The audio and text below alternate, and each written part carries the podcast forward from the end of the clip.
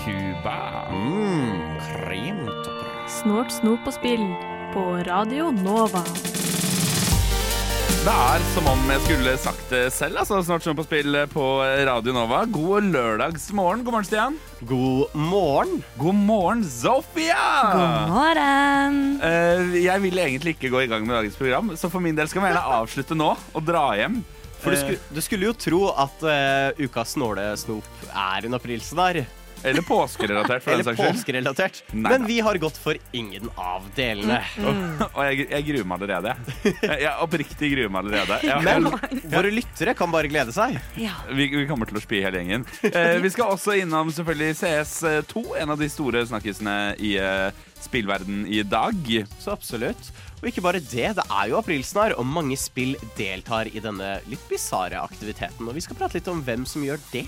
Og ikke minst da, så kom jo den store nyheten i går. E3 er avlyst. Å nei. Hva har dette å si for fremtiden til den mest populære spillmessa i hele verden? Det er en god aroma. Altså, dette var himla godt. Og kanskje det er marsipan. Jeg tenker sjokolade. jeg. tenker Sjokolade. Det er sånn du får på gamlehjemmet. Mm. Dette er det beste vi har smakt så Det langt. er det Jeg mener smakt så dette er Det S-tier. er det S-tier. Jeg er helt enig. Nå sitter du med en boks hockeypulver i Yes. hendene. Spis det. Ja da, det stemmer det. Vi skal inn i spalten eh, Ukens snåle. Og i motsetning til hva vi sier her, så tror jeg nok ikke dette er en S-tier, altså. Jeg, bekla jeg beklager. Uh, Sofia, det er du som står for ukas snåle, eller ukas løye, som du liker å omtale det som. Ja. Hva står på menyen? Jeg, eh, når dere hører det her inni posen Jeg eh, tok en tur til Sverige to uker siden. Og der har de jo masse, masse godt. Ja. Um, Ja, altså for, utenom- fordi at Man reiser ofte til Sverige for å kjøpe godt. Ja. Det har ikke du gjort. Nei. Nei. Eh, I hånden min her står det Syrsor i havsalt. Mm. Merket er Eat Sects. Ja, og for du som tenker nå Oi, wow, svensk delikatesse. Hva kan syrsår være? Det er Det er hva vi kaller sirisser på norsk. Yep. Uh, og jeg bare ønsker å informere deg som lytter på det at vi alle sammen har hver vår nå bøtte. Og pose. eh, og henholdsvis bøtte og pose foran oss. For dette kommer til å komme opp igjen. Ja. Jeg Ja. tviler ikke et sekund. Um, jeg, jeg hater insekter. Uh, ja. Um, Er, er, er, dette, er dette et personlig hat? Var det et insekt som var slem mot deg da du var åtte? eller noe ja, ja, ja. Men ja, skal vi bare kjøre på? Ja, vi må bare folkens? få det Kjør på, vi må få det unnagjort. Dette er som en vaksinefølge. For de som også har sånn eh, heftig vaksineskrekk som meg. Bare sånn, Åh, jeg skal bare jeg- få det unnagjort. Jeg vet ikke hvordan man skal holde dette her engang. Ok, Okay, Den, den den raslinga er bare så ekkel når du vet hva den raslinga er. Hva lukter det? Det lukter egentlig sånn Ikke noe spesielt. Nei. Det lukter litt som å ete karamell på en bondegård. Jeg håper det er hva det For jeg er redd for at Vil jeg du ta en å først? Ja, å, jeg er så glad du spurte meg om så det. god. Du kan få æren. Uh, oh, 28 gram fett, det er ganske imponerende for en syrisk Åh, oh. Det lukter ikke så galt. Ellers har jeg inn også. Nei, jeg bare så inn, og det er Ja. jo bare et har vi funnet på Har du, har du forsynt deg, Stian? tatt en? Stian har forsynt seg. Å, Sofia men de var jo seg. jævlig store, da. Helvete. Jeg tror ikke vi tar på den. Nå skal jeg spise den. Få- Få det hit, da! Åh, åh. Å, æsj, æsj. OK. Ja, det er ekstremt ekkelt. Han falt ut av posen. Det er g- Ja, ja, Åh. dette, dette var da ikke så jævlig. Nei, ikke i det hele tatt. Jeg har gått for den største posen. jeg. Å, jeg burde ikke sett på den. Den Æsj, nå helte jeg det ut her. Unnskyld. Jeg beklager, kjære deg som har et fotballskjerf liggende i Nova Studio. Å, men det er greit for at jeg skal begynne å bevege på seg. Ja, det er Men sånn den er, den er død, er den ikke det? Ja. Og jeg føler vi sikkert er sånn kjemperespektløse overfor sånne kulturer som faktisk spiser insekter. ja skal, vi bare, skal vi bare kjøre? Ja. Og jeg har ikke lyst til å ta på den. Hvordan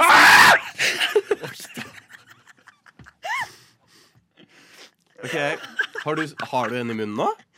Nei, jeg bare tok på han. Vi er så tøffe!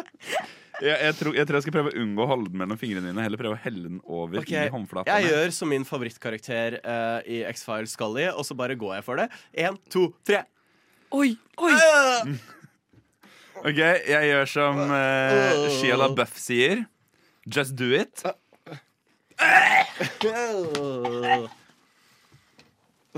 Ja, du OK, min tur da, folkens. Det er kjempegodt, Sofie, at det er bare å glede seg.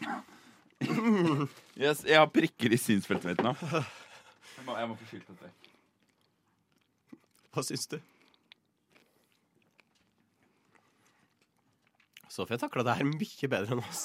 Jeg tror faktisk jeg oppriktig holder på å kaste opp. Det smaker tang. Det smaker Nei, litt, ikke smak på det! på slutten smaker det litt tang. Det, det skal jeg egentlig ærlig også Men jeg vil bare, jeg bare gaslighter meg sjøl til å ikke tenke på hva Ja. dette er. Jeg likte ikke hvordan jeg faktisk kunne smake bena og vingene. Nei, æsj, ikke si det! Ikke si det. Oh. Ja, øh, jeg, jeg, jeg, jeg tror jeg brakk meg for tidlig. Mm. Uh, for nå kjennes det ut som at jeg oppriktig holder på å kaste opp. Der jeg kommer orker litt ikke. Nei, Men er jeg, men er jeg den eneste som har vært framme med bøtta? Ja. Ja. Jeg har svelget, meg, svelget min, jeg. Men det smaker bare bare sånn tre eller noe. Sånn Ja, jeg har, jeg har gomlet på den. Eh, la, la, oss, la, oss, la oss bare gå videre. Eh, vi kommer til å ranke dette på patenterte Bare eh, mot seg. slutten av eh, sendinga. Men først skal vi få litt deilig musikk. Hei, kjære lytter. Dette er fremtidige Stian her, som snakker til deg fra nåtiden. Dette neste innslaget gir kanskje ikke så mye mening, siden du må få det uten musikk. Men jeg kan forklare. Her setter Sander, min kjære både venn og kollega som jeg stolte så fælt på, han velger å sette på en kjent sang du garantert har hørt, nemlig Rick Asleys Never Gonna Give You Up. Han rett og slett Rick-roller oss. Eh, så ja, vær så god, her får du høre, og nyte kanskje, min reaksjon, og Sofias en reaksjon til å bli fullstendig lurt på sjølveste 1. april. Jeg så bare Sifta S. Ikke hørt om den artisten. You bastard. Oh my god. You absolute bastard. Friend Joe, uh, I heard of the things you said. Uh, ja. ja. Jeg, jeg, jeg er fortsatt litt uvel. Litt satt ut. Jeg, får, jeg, tror, jeg tror at når jeg, når jeg brekker meg, så får jeg et veldig rart trykk i hodet mitt, og det liker jeg ikke helt. Jeg har hørt at sirisser skal hjelpe veldig godt på det. Ja. Det Eh, havsalt. Det smakte det faktisk ingenting av. Nei, det, det, det havsalten var en løgn. Nope. eh, nok om sirisser. Eh, og inn på hobbyrommet ditt, Safia. Hva har Yes. du spilt siden sist? Fra et uh, skrekk til et annet skrekk, skulle jeg si. Jeg har Oi. spilt skrekkspillet Inside the Backrooms. Oi! Jepp. Uh, og jeg har nå skjønt at jeg har blitt kjent med Sander og Stian her, at jeg er en av de som spiller en del skrekkspill uten å ha visst det på forhånd.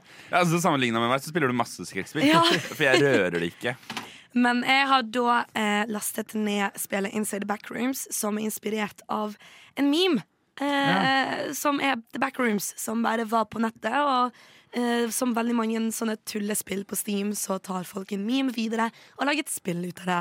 Veldig ofte skrekkspill. Men, men hva er det du gjør i, i dette spillet? Eh, det er en multiplayer som kom ut i juni 2022. Så du kan spille med dine venner. Du velger en karakter. En av de er dønn Pitbull. Du kan være Pitbull. Altså, eh, altså, altså Mr. Worldwide? Ja, Mr. Worldwide. eh, Mr. med, 205. med sine eh, glasses on, skulle jeg til å si. Sier Eh, det du litt kan- om meg at jeg var nesten litt skuffa da jeg fant at jeg ikke kunne spille som en bikkje? Er Sånn, oh, kult, du kan spille som en pitbull, det er gøy. Jeg- fikk mer lyst til å spille det spillet når jeg funnet ut at jeg kan være Ja. Mr. 305. Eh, men det er så gøy at du velger din egen karakter, og hver, hver, en, hver karakter har en law eh, på begynnelsen av hvorfor de har havnet i The Backrooms. Eh, så jeg har ikke sett Pitbull sin point of view, men jeg har sett en, eh, en eh, gammel eh, dame sin point of view. Hun bare blir dratt ut på gaten. Og bare pussig er hun i The Backrooms. Og du går rundt, det er forskjellige nivåer. Det er forskjellige puzzles, litt som en type escape room, egentlig, bare på PC. Og så kan du velge om du vil ha det på easy mode. Da respawner du, og det er greit, liksom. Ja. Men ellers så har du kun ti liv, og så må du komme deg fra ett nivå til neste til neste nivå i The Backrooms. Og så er det forskjellige monstre og jumpscares. Veldig masse jumpscares. For estetikken til Escape, Room, nei, Escape Rooms, The Backrooms, det er vel inspirert av den der liminal spaces-trenden. Ja, ja, ja, Hvor det er sånn Du får en sånn veldig sånn merkelig eh, bilde av noe sånt sted som bare ser feil ut. Det føles føles feil. Det er bare kanskje helt tomt. Sånn Det er bare masse vegger. Masse gule, ekle vegger. Veldig dempet lys. Sånn arbeidslys, liksom. Mm. Og så bare skjønner du ikke hvor du skal gå, og alt ser helt likt ut. Og så plutselig snur du deg, så er det bare et smilefjes der. Og da skriker man og løper. Og det som er veldig gøy, er at dette spillet er også in game voice chat. Eh, som er proximity. Så hvis du ikke spiller med folk via Discord eller Teamspeak, så kan du spille inni Eller snakke med hverandre inni spillet, og da må du virkelig høre etter hvor de er. Eh, det tok oss Vi trodde dette var et veldig morsomt spill. Det endte opp med at vi satt der i fire timer og spilte. For vi hadde lyst å løse hele. Man blir litt lei. Ærlig. Man burde kanskje ta det litt og litt, eller bare være jævlig god og ikke redd. Men anbefaler det for en vennegjeng. Men på en skala fra én til ti, hvor eh, ti er Sander og én er en eller annen som er mindre pingle enn meg, eh, hvor redd var du? Mm, jeg var en god seks og en halv på begynnelsen, og så gikk det ned til to. Det, på et tidspunkt så bare, bare blunket jeg litt når det kom en jump scare, og så fortsatte jeg. For Ja. man ble så lei. Jeg, var, jeg ville ut. Man får klaus. Det er ikke bra. Det er et par sånne skrekkspill føler jeg, som har det problemet, hvor de på en måte starter opp veldig bra, og så Ja. slutten så er det sånn OK, jeg, jeg er ferdig nå, la oss bare komme oss gjennom. PT er et godt eksempel. Ofte er den som ka- egentlig det skumleste spillet noensinne. Uh, PT, Playable Teaser. PT, Call Home, Uh, PT Call Home, som skulle være et teaser for Silent Hills, som ikke ble noe av. Lang historie. Men den er, den er jo dritskummel. Men hvis du skal faktisk gjøre den ferdig, så må du gjøre så mye puzzles Ja. at du til slutt bare kan alt som skjer, og så er det ikke lenger så skummelt, Og egentlig. snakk om easter eggs, vi skal snakke om senere. Den har så mange endings. Eh, og den har så mange liksom, achievements du kan få hvis du velger å gjennomføre en task. Men det er ikke alle oppgaver du greier å gjennomføre, fordi du blir bare tatt hele tiden Ja. av de monstrene rundt om. Og vi endte opp med å finne ut at jeg hadde flere achievements enn mine venner, for jeg ble tatt av alle monstrene. Og det ble ikke din. Og du fikk en achievement hvis du ble tatt av dette objektet og dette objektet. Og du, du, du. Hvor er det man kan spille det? Eh, jeg fant det på Steam. Jeg spiller på PC. Så da var det Det kostet sånn litt over 40 kroner. Det var ganske bra, egentlig. Og det skaper god stemning. Det blir morsomt. Ja. Jeg er sterkt uenig i den påstanden. uh, uten å ha spilt det. Sterkt, sterkt uenig. Jo, jo, jo. Jeg Nei, nei, nei. Sterkt, sterkt uenig i den påstanden. Om det er et spill som får deg til å føle deg sånn her. Eller om det skal være et spill som får deg til å reagere slik. Så er sjansen stor for at du får høre om det her på Snort, Snop og Spill. En låt eh, basert på et sitat av eh, vår egen Stian Henriksen. Fun fact. Jeg går kun på do på Theatercaféen. Det var uh, tusen kruser uh, på Isen Snop på spill for Radio Nova. Det er genuint et problem. Jeg får ikke gå på do noen andre steder. Det er veldig synd for deg som bor i ut- ut som fra må... mitt dorom og over til ditt hobbyrom. Hva har du gjort i det siste, Sander? Du, jeg har uh, faktisk hatt veldig lite tid til å spille i det siste. Eh, Dun, dun, dun. jeg har fått sett veldig mye film, da. Så det er jo noe. Er. Eh, og så tenkte jeg egentlig at jeg skulle spille veldig mye i går, men så ble jeg plutselig sittende ganske lenge og rigge til noe du skal få vite hva er senere i denne sendingen. Ja, skal vi si det? them hanging, Sander. Skal, vi, kan, jeg kan, vi kan godt si det på, med en gang for min del. Ja. Vi går live på Twitch i morgen fra klokka fem. Vær så god. Hva, hva heter vi på Twitch? Hvor kan de finne oss? Eh, Er det snalt understrek snop understrek og understrek spill? Yeah. Ja, Noe sånt nå? stemmer det. Ja. Forhåpentligvis kan du også bare skrive snålt noe på spill. Ja, forhåpentligvis så får du også. Eh, men jeg har uh, spilt uh, noe siden sist. Eh, jeg, etter forrige sending så gjorde jeg noe eh, jeg egentlig ikke hadde tenkt jeg skulle gjøre. Eh, men som jeg plutselig endte opp med å gjøre. Eh, og det blir liksom feil å kalle det et spontankjøp. Eh, fordi det var, det, var, det var litt for dyrt til å være et spontankjøp, men samtidig så var det et spontankjøp. Jeg har kjøpt meg en PlayStation 5. Hva? Hæ? What? Det kom som et sjokk på Stian, som uh, har lagt meg til som en der. Nei, så jeg har jo på en måte uh, brukt litt tid nå bare på en måte på å komme meg litt inn i det. Og jeg har funnet ut av det at jeg elsker Jeg elsker uh, DualSense-kontrolleren. DualSense-kontrolleren er fantastisk. Jeg elsker adaptive triggere, jeg elsker følingene i den. Jeg elsker liksom muligheten du har til å vippe på den og sånn. Og det gjør at jeg ikke klarer å nyte PlayStation 4-spill nok. Ja. Fordi de ikke har den muligheten til å Så jeg koser meg med mm, Akkurat nå så driver jeg og spiller et spill Stian har snakket altfor mye om i det siste. Horizon. Eh, altså Zero Dawn, som er til PlayStation 4. Og da må jeg altså innimellom ta meg en pause og bare spille bitte lite grann Astros Playroom. Bare for å liksom kjenne på kontrolleren, og så kan vi gå tilbake igjen. Det er veldig forståelig. Jeg husker jeg gikk tilbake til å spille litt uh, Zero Dawn. Du vet når du spiller en oppfølger til et spill, Ja. og så får du litt svar sånn Hvordan var egentlig det forrige spillet? Husker jeg det litt feil, eller hvordan og så går du tilbake. For jeg gikk jo da tilbake til Zero Dawn, og husker når jeg stramma inn buen, Ja. så var det en så tom følelse. Ja. Fordi du har denne sensasjonen i Forbidden West, men i Zero Dawn så er det bare du trykker inn en trigger. Det er noe med det, jeg skulle, jeg skulle jo Altså jeg skjønner at det er mye arbeid, selvfølgelig, men jeg skulle ønske at man hadde klart å lage en patch som gjorde at man fikk litt den samme følelsen. Mm. Eh, Det, for, det, fordi at det, føl, det føles litt tamt å sitte der med det underverket av en kontroller i neven, og så får du på en måte ikke helt alle de funksjonene du ønsker deg. se for deg sensasjonen du kommer til å ha når du går inn i Forbidden West. Ja, om 200 timer. Eh, så kommer jeg til å nyte det. Eh, men jeg har spilt noe annet også. Ja, det. Eh, fordi jeg var inne og uh, sourca litt i, um, i eh, Xbox GamePass. Som jo er en helt utrolig god mulighet til å teste spill man ikke har spilt før. Eh, bortsett fra det at jeg ikke har testet et spill jeg ikke har spilt før. Jeg har testet et spill jeg har spilt før. Eh, jeg har nemlig okay. starta New Game Plus på eh, Far Cry 5. Oi, oi. Oi. Eh, som jo er eh, det beste Far Cry-spillet som finnes der. Det er mange som vil si at det er Far Cry 3. Dit er feil. Ja, det er Far Cry 5. Jeg er helt Ja, enig. Jeg også har jo faktisk lasta ned den nye, for det er Jeg holdt på å si tiårsjubileet, men Jesus, da hadde jeg vært gammel. Uh, det er Det er vel femårsjubileum eller noe sånt nå? Å, jeg er gammel. Jeg tar det tilbake. Ja. Eh, så, ok.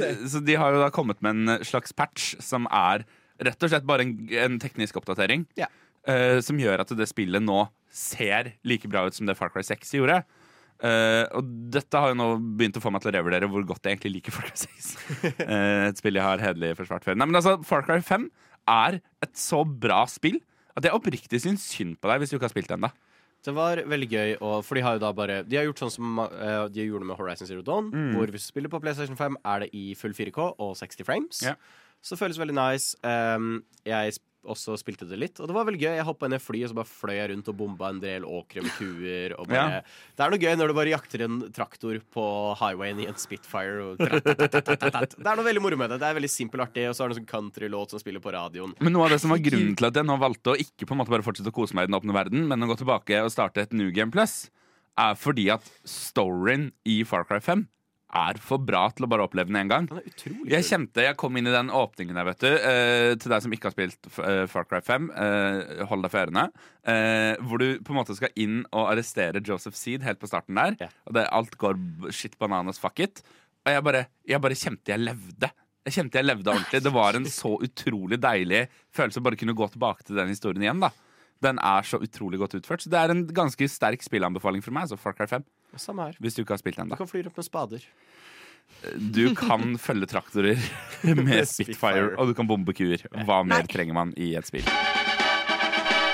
What? Radio nå. States, back to you i Snortson på spill på eh, Radio Nova. Vi har vært innom mitt hobbyrom, vi har vært innom Sofias hobbyrom. Så vi ser eh, Vi går videre i sendingen eh, og skal nå spørre Stian om hva som har skjedd på. Jeg skulle liksom nå gjøre en greie ut av det at vi liksom ikke skulle gjøre det. Og så eh, hadde jeg ikke noe gøy annet vi kunne prate om. Har du, Eh, har du falt der like mye som jeg har, eh, Sofia? For jeg føler jeg har falt litt av. Vi går videre i sendingen og skal diskutere hvorfor peanøtt er verdens beste nøtt. Og Sofia, hvorfor er peanøtt verdens beste nøtt? Det smaker veldig godt med taco. Stian, hva har du spist siden sist? den, den tar jeg ikke. Uh, jo, ja, meg. Jeg har startet min spill, mine spill to, to spilluker med å ta farvel med min favorittkonsoll sin nettbutikk. Det har vært Ja. en kjip, men dyr affære. Men jeg har nå sikret meg uh, de spillene jeg gjerne skulle hatt, før de nå koster 3000 kroner. Ja. Um, så det har vært gøy. Jeg gleder meg til å spille en del av de. Har ikke fått rukket det. Men uh, gjett om jeg skal spille Professor Nei, ikke Professor Layton. Ace Attorney skal jeg kose meg med i påsken, for skikkelig påskekrim. Uh, så det skal bli veldig bra. Det er veldig trist når du åpner den opp nå, så er det bare en blank skjerm som er sånn Fuck you, vi er stengt. Og sånn, ja, kult. Står det faktisk 'fuck you, vi er stengt'? Ja, nesten. Jeg tror det er sånn bilde av Mario som gjør sånn kickflip, og så er det sånn Sorry, we're closed. Sånn, Ja, takk, Mario. Uh, men jeg har prøvd ut uh, for Jeg vet ikke om dere har hørt om Diablo. Nei. Nei. Uh, okay. De hadde jo en open beta. Ja. Eh, denne d- d- d- En d- open beta! open beta eh, nå i forrige helg. Ja. Og jeg prøvde ut den. Ja. Eh, for det det kom ikke ut før 9. juni. Er det så lenge til Diablo 4 kommer? Det er faktisk så lenge til. Wow. Uh, og jeg koste meg overraskende mye. Ja. Uh, Jeg er ikke så glad i Diablo 3. Jeg spilte det litt med noen venner. Der hadde jeg en karakter som het Ivana. Hun er veldig kul. Badass. Uh, så startet jeg på det her. lagde samme karakteren på nytt, men de fjerna Monk-classen, så bu. Men jeg valgte Sorcerer, og det er jeg veldig glad for, fordi Sorcerer var latterlig morsomt. Mm. Um, du har flammemagi, ismagi. Uh, min favoritt er at jeg bare kan summon en fuckings Hydra. som bare spytter flammer. Herregud. Og kompisen av meg hadde allerede liksom kommet seg til slutten av demon, Eller ikke demon, betaen, og hadde maks level. Tok meg inn i et område med makslevel. Jeg var ti level under. Det gikk fint, for jeg bare summona Hydron, og så satt jeg og spiste Quick Lunch og så på, liksom. så det, det var et genuint veldig morsomt spill. Jeg liker veldig godt uh, customizationen i det. Ja. Eh, for sånn jeg og en annen kompis spilte det, det er jo et fashion game. Yeah. Uh, så jeg ble veldig fornøyd. Jeg fikk sånn red hot sleek antrekk med kappe. Uh, og noe de har gjort som jeg syns er litt kult, er at eh, legendariske er jo en del av spillet. Det er jo looting game. Mm. Uh, men det som er litt fett, er at legendariske har nå Det er ikke sånn at Og denne legendarisken har alltid denne effekten. Men de vil nå ha en randomized effekt. Oi! Eh, ja, og det var egentlig veldig kult. Uh, Kompisen min var sånn Ja, jeg liker ikke at det er sånn. Jeg syns det er teit. Men eh, jeg endte med å like det veldig godt, fordi jeg føler de caterer til hvordan du har bygd karakteren din. Ja. Så jeg fikk alltid et eller annet som benefitta min karakter. Istedenfor at jeg får en sånn ting. Så er det sånn, ja, kult Jeg brukte evighet til å få en legendarisk. Denne gangen den er benefitter deg hvis du er en warrior. Ja, og så er det sånn, ja, den har jeg ikke noe bruk for. Så jeg fikk jo sånn at å, Hydraen min har flere hoder. Eh, en sånn superkul greie som kunne skulle fryse alle fiender rundt. Vel, nå har du to charges på den. Hva kaller du hydraen din? Eh, ben. Hvis det er lov å si? Ben. ben. Som jeg kom på nå. Eh, så Diablo 4 var utrolig moro. Jeg tror eneste jeg sitter igjen med som var litt sånn eh, Du kan ikke ha en limited time beta som varer bare en helg, og putte inn sånn 50 timer med cutscenes. Ja. Hæ? Det var så mye cutscenes. Jeg å måtte skippe så mye av det. ja. Men så er den virkelig interessant. det er satt i et veldig russiskinspirert område. Litt uheldig. Ja. Jeg hadde nok kanskje bytta det. Uh, everybody talks like this. Welcome to Kovazad. Uh, litt uheldig. Litt Ja. uheldig med tanke på tiden. Uh, sikkert ikke med vilje. Eh, garantert ikke med vilje. Men litt uheldig. Jeg hadde kanskje endret det mm. i løpet av de siste to årene. Og det sånn, gnager meg litt, for jeg er litt sånn Å, det er kult! Jeg har faktisk lyst til å spille dette. Men det gnager litt på meg. Hvordan kommer de til å monetize dette? Mm. Ja. Hvor kommer mikrotransaksjonene inn? Ja. Hvor kommer Battle Pass inn? Jeg, de kommer til å ha Battle Pass. Ja, ja, ja. Um, og det er litt sånn Fordi jeg likte customization, jeg likte skill-trærne. Det var veldig kult. Men hvor mye av dette kommer til slutt til å bli låst bak en betalingsmur? For spillet er koster som- 800 kroner. Hvem er det som utvikler Diablo igjen? Activision Blizzard. Ja, ikke sant? Geniene bak Overwatch 2. Og Heartstone. Tidenes pay to Sånn win. er bra, men igjen, de er glad i penga sine. Uh, så Det er, det, det er ingen som skal kritisere Activision Ja. Blizzard for. Jeg så de hadde en sånn preorder-bonus uh, hvis du forhåndsbestilte. Uh, hvor du fikk masse bonuser til en haug med andre spill, Mm. som er veldig gøy. Så du er nødt til å kjøpe en haug med andre spill for å utnytte eh, forhåndsbestillingsbonusene dine. Så er det sånn, OK, interessant. Og så eh, har jeg også prøvd Minecraft sin versjon av Diablo. Ja.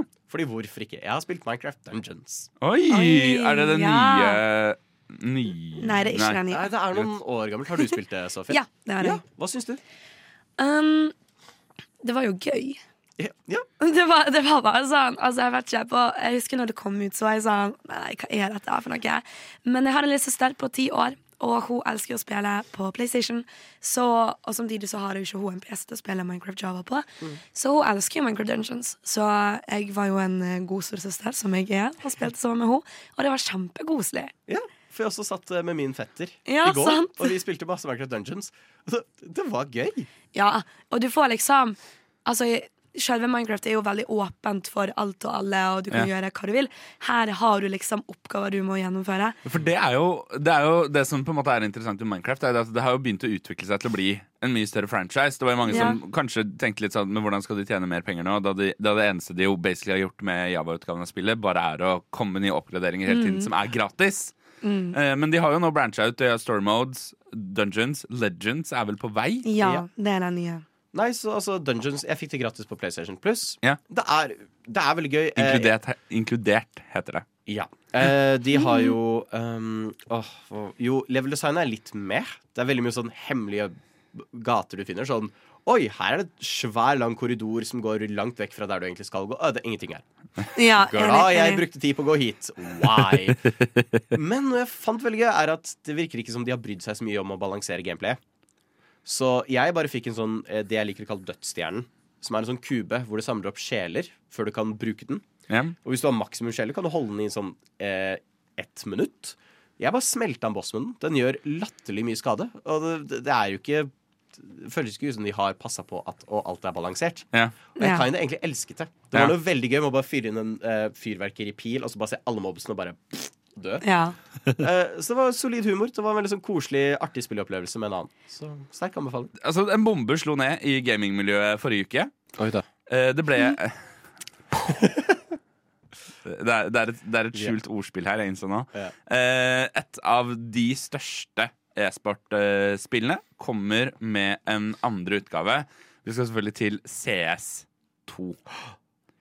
Eh, som vel egentlig er CS4, hvis ja. det skal være helt eh, ordentlig nitpicky. Men. Valve kan ikke kalle noe høyere enn to. Nei. Nei.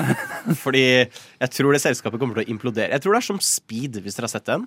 Bussen som ikke kan stoppe eller gå under 30 Å, ja, ja, km i ja, ja, timen, for da eksploderer den. Ja. Jeg tror noen et eller annet tidspunkt planta en bombe hos Valve. Var sånn Hvis dere lager et spill med tre i tittelen, så går den av. Det er min teori, i hvert fall. Men uh, CSGO 2 er jo uh, hvis man, CS2. CS2, sorry. Synes... Fordi Go har ditt mening. Ja, Mhm. CSGO 2. Ja, det hadde Ja, veldig da hadde det faktisk vært Nei, andre nei, det er- det er. CS2 Nei, det er. CS2, ja. Eh, CS2 er jo i det store og det hele CSGO med en grafisk eh, finpuss. Det ser mye bedre ut, Counter-Strike, eh, Global Offensive, eh, Ja. for de som da hvis du ikke ikke vet hva C står Nei. for. Um, Altså, en stor grafisk oppgradering er det det primært er. Mm. Det ser jævlig bra ut. Eh, de har jo gitt eh, de som har er sånn, Hvis du har X og Y antall timer i CS Go, Mhm. så eh, får du tilgang til en betaversjon av CS2. Og jeg var sånn Å, du får det gratis? Hva? Det var sjenerøst. Eh, men eh, det er også en ting de gjør som jeg syns egentlig er litt fett. Fordi at eh, mye av Altså CS er jo egentlig et spill hvor du kjøper tilgang, og så har du tilgang. Eh, men for at du skal kunne bruke penger, eh, eller mikrotransaksjoner, så har du da skins. Ja. Ja, Eh, det har jo vært eh, sentrum av en rekke kontroversier opp gjennom årene. absolutt. CS Lotto er jo Det er jo egentlig det der, ja. Søk det opp hvis du er interessert. Um, men eh, CS2 tar altså skinsa dine over fra Go, sånn at du kan bruke Oi. dem videre Det er i eh, nice. CS2. Det er Det, nice. Som er en utrolig, utrolig bare sånn It's a nice gesture. Ja, absolutt. Um, og jeg, men jeg har, jeg har vært inne og sett litt uh, på det, og det, er en, det ser veldig bra ut. Men det er én ting her som er eh, Som jeg er litt sånn uh, Litt sånn mm, til. Fordi veldig mange er jo uh, litt sånn uh, Hvorfor skal jeg gidde CS2? Det er bare en grafisk oppgradering. Ja. Hva er greia? Og det er en grafisk oppgradering, men de har endra én ting spesielt. Og det er hvordan smoke-granater funker. Det var det jeg tenkte du skulle snakke om. For tidligere så har jo på en måte smoke-granater vært litt mer sånn Jeg kan smoke, og så ser ikke Stian, som er på det andre laget, han ser ikke meg, men jeg ser han gjennom smoken. Eh, men nå har de gjort den mer statisk og mer sånn den er i veien for alle. Og dette er ganske kritisk, fordi eh, CS GO er det and største e-sportspillet i verden i antall seere og i premiepott. Det er vel bare League of Legends som er større. Ja.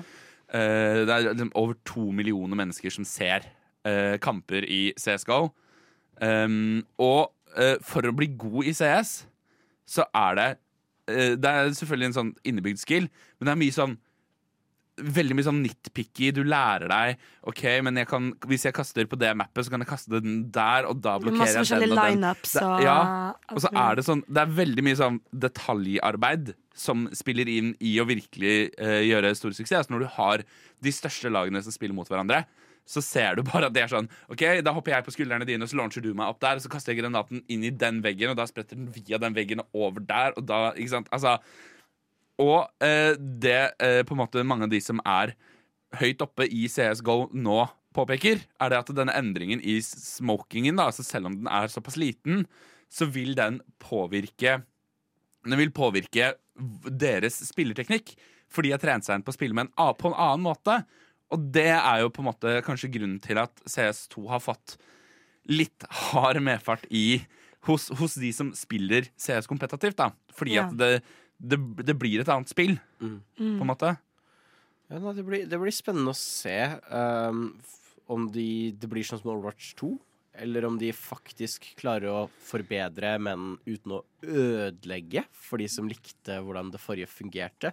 Så det er vanskelig når du på en måte oppdaterer et uh, multiplayer-spill Ja. som aldri blir oppdatert. Mm. Altså Call of Duty er en ting, de gir ut en Call of Duty hvert år. Ja, ja, ja. Så der blir jo alltid endra på. Ja, ja, Men. CSGO har jo vært CSGO siden Ja. 2000 og Jeg vet ikke. Eh? Ja, Noe sånt. sju eller åtte, tror jeg derfra. Så nei, det, det blir interessant. Um, og kanskje dette oppfordrer Valve til å jeg, jeg vet ikke, lage, la bomben gå av. Lag Half-Life 3, Portal 3, Left 4 Dead 3, Team Fortress. Team Fortress 3. Um, I don't know, bare sånn forslag. Ah. Nei, men jeg, jeg, vet ikke helt. Altså sånn, uh, Dere spiller jo mye med Jeg spiller jo ikke så mye online multiplayer. Der er jo dere på en måte større enn meg. Altså, Er, det, er dette noe eh, som ville fr- frustrert dere i deres på en måte online-erfaringer?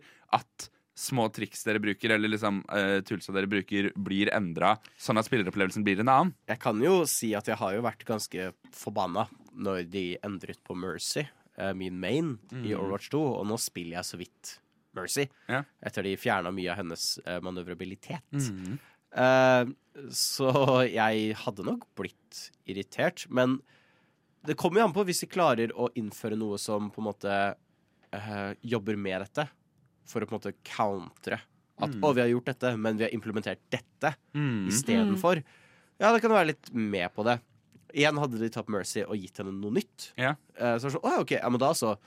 Eh, men de har bare halvveis drept henne og så gjort det. Så Men- spørs hvordan de gjør det. Ja, det, det er jo det som er så vanskelig med online-spill, i hvert fall skytespill, er at Ja. når de har så mange forskjellige, i hvert fall Valorant, så mange forskjellige agenter å spille med, mm.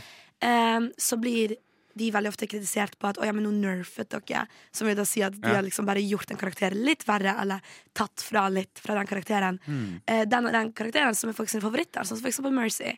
Eh, og grunnen til at de gjør det veldig ofte, er at fordi, fordi folk blir gode. Folk blir gode i de eh, karakterene, og folk blir gode i sånne lineups og taktikker og akkurat hvor de skal stå for å få en win, da. Og så blir folk sur fordi andre er for gode, og da må plutselig developerne endre på noe. Som er skikkelig sånn ubalansert, egentlig. Og jeg tror ikke det er noe riktig svar på hva man kan gjøre i en sånn situasjon. Selvfølgelig er det kjempeirriterende i e-sport, fordi der trener laget for liksom Ja, ja. Eh, Så jeg hadde blitt skikkelig forbanna, egentlig.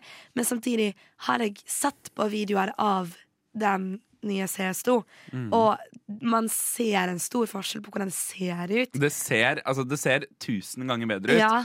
Men jeg bare lurer på hvordan dette vil Hvordan er dette på en måte for, for Forest da og alle disse andre som er gigantiske spillere som har brukt flere Ja. tusen timer på å trene seg opp til å bli så gode som de er.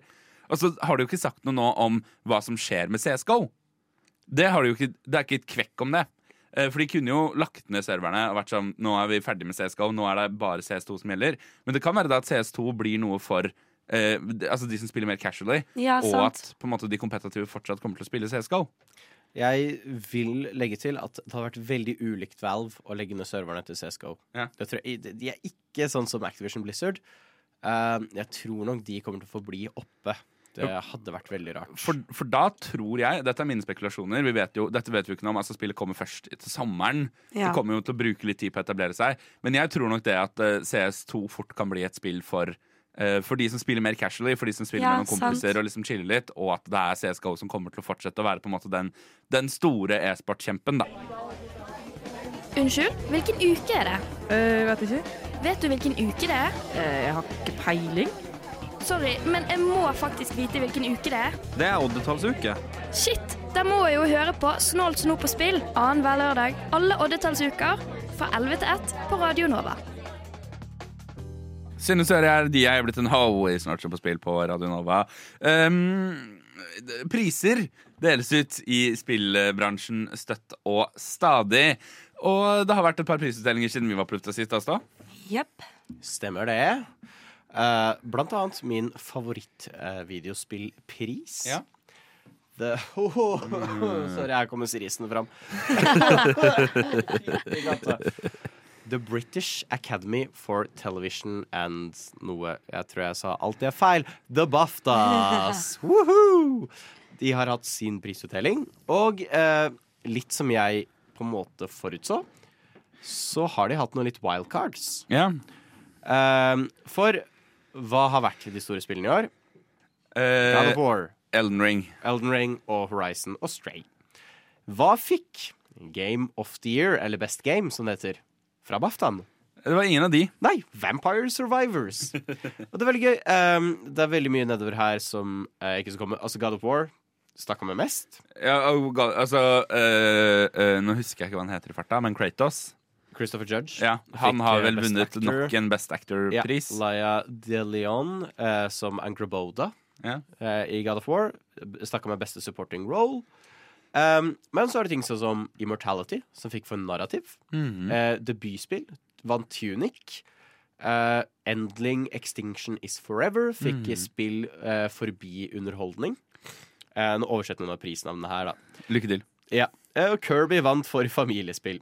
Men det er Det er veldig for gøy å gå øvrig gjennom. et utrolig bra spill. Det er and the. Forgotten Lands. Jeg elsker det. Så nei, BAFTAene er veldig nice. Men det har ikke bare vært BAFTAer. Nei, for de har jo også hyllet content createre, Sofia, i Yes. Streamer Awards. I år har den andre Streamer Awards noen gang eh, funnet plass i Los Angeles. Eh, hvis dere aldri har hørt om Streamer Awards før, så er det fordi det kom først i fjor. Eh, og det er arrangert av streameren Cutie Cinderella. Ja. I år ble hun joinet sammen med Ray, eller Valkyrie, som folk kjenner henne som. En ganske kjent eh, variety-streamer. Eh, og CEO av alle her eh, 100 Thieves, som også er sånn spillkollektiv, holdt jeg på å si.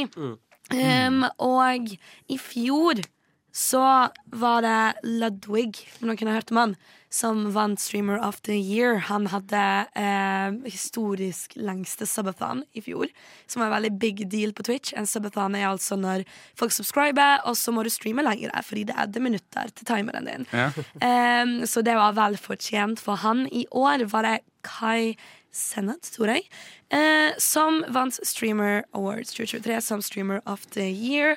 Eh, jeg har lest meg opp. Eh, jeg kjenner ikke til han så godt, men han har visst hittet highest ever sub count on Twitch. Oi. Altså, han har nådd høyest mulig antall subscribere på Twitch. Abonnementer som han betaler for. Ever. I fjor var det da også Minecraft som vant Game of the Year eh, på Streamer Awards. Eh, og i år så tror jeg ikke de hadde den med. Men jeg tror jeg ikke jeg har hele listen oppdatert her, fordi jeg så på, og alle navnene så skjer. Men eh, vi har eh, XQC som Best Variety Streamer. Det er flere som kjenner til han. Um, de hadde med en ny award som var Rising Star Award for små streamere som plutselig har blitt store i løpet av året. Ja. Og der hadde vi en kvinnelig muslimsk eh, streamer med, som er kjempefett. Og kommer i streamermiljøet. Hun heter Frogan, og hun vant. Eh, skal vi se om vi finner Beste Minecraft-spiller i fjor var Tommy Innit. I år var det Quackity. Veldig godt fortjent. Han har gjort veldig mye for miljøet, veldig mye cinematics, som er dritbra.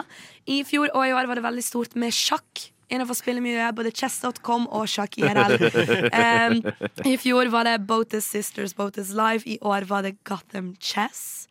Ja. Uh, og jeg prøver fortsatt å Gotham Chess? ja. Her står det det. Batman-relatert sjakkspill? Det, det aner ikke jeg. Ah, Men men- jo, her har jeg Stream Game of the Year, Elden Ring. Ja. Det var det. Min, eh, en av mine favorittstreamers også vant eh, League of Their Own, som Ja. gikk til DugDug. Som er Yes. utrolig flink til å ha de mest kreative ideene for streams. Eh, anbefales veldig sterkt. Og så hadde vi oss en Legacy Award. Legacy Award, Legacy, Legacy Award. Eh, og den vant eh, Germany85. Han er en ganske legende innenfor streaming, så det var vel fortjent. Folk eh, sto og applauderte, og jeg tror den kvelden gikk eh, ganske greit. Eh, vi hadde også Best Valorant Streamer, som eh, jo Valorant er ganske eh, Oppe Det nå. Jeg skal bare nevne én til jeg lover. Best Valorant-streamer? ja. Kan det ikke ha noe sånn eh, Best eh, cupcake-streamer? Er det en egen pris? Det burde vært det. Det vet jeg ikke. Nei, det burde vært det. Cup- Ja, for så vidt. Altså, som lager cupcakes på stream, da. De har veldig mye best off, eh, men jeg vet at det er veldig mye som har blitt eh, fjernet også, fordi alt, det meste er det er 70 fan-voted. Ja. Um, så hvis det ikke er nok votes, så tar de det ikke med. Uh, men det er en Best Valorant streamer som var Kaiday. Uh, hun har i det siste kommet fram med at hun har blitt diagnosert med kreft. Eh, som er veldig trist, og man håper at hun har, får, det, får det bra, og at eh, man kommer seg via det. Men hun har stått på hele året, og hun fortjener den veldig, veldig mye.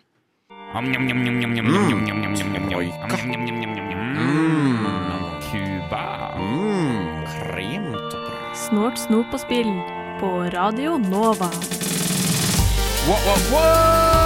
Nei da, vi er ikke ferdig for dagen. Vi går bare inn i time to. Ja, det er en vits jeg kommer til å dra hver eneste sending vi har. Jeg gleder meg til alle årene fremover med dette. Vi går inn i den beryktede time to. Det er jo nå ting virkelig begynner å gå av hengslene. Her. Eller på hvem som har den så beryktet, Sander. Det er jeg. Det er deg. Ja, det er meg, ja. Eh, Vi skal innom eh, E3. Ja, rest in pieces.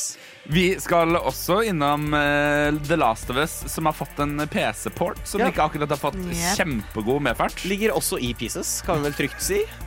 Ubisoft er jo alltid ute og gjør ting eh, ingen har lyst på i det hele tatt. Og ikke minst, da. Det er jo påske. Altså, vi må ikke glemme Det Det skal påskequizzes Oh yeah. med vår alles kjære quizmaster eh, Zoff. Drønn, En gang til.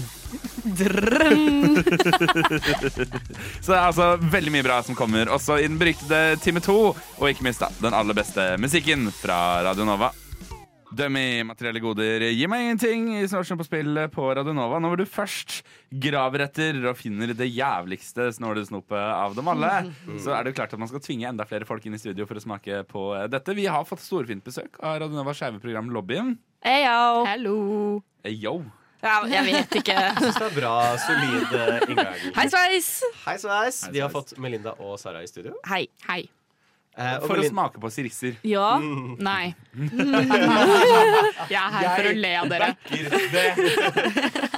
Og eh, dumme som de er, så har også Sofia og Stian sagt ja til å smake en gang til. Ja. Jeg var sånn, ah, La meg helle ut noen. Jeg kan, s- det blir sikkert ikke like stor som den forrige. Jeg har fått en s- to større sirisser enn hva jeg spiste. Denne her ser ut som at han er veldig lei seg. Så er litt Ja, for, sånn, fordi nei. Stian sa vi skal spise sirisser, og jeg bare sånn Å, det har jeg lyst til! Eh, det var dumt sagt av meg.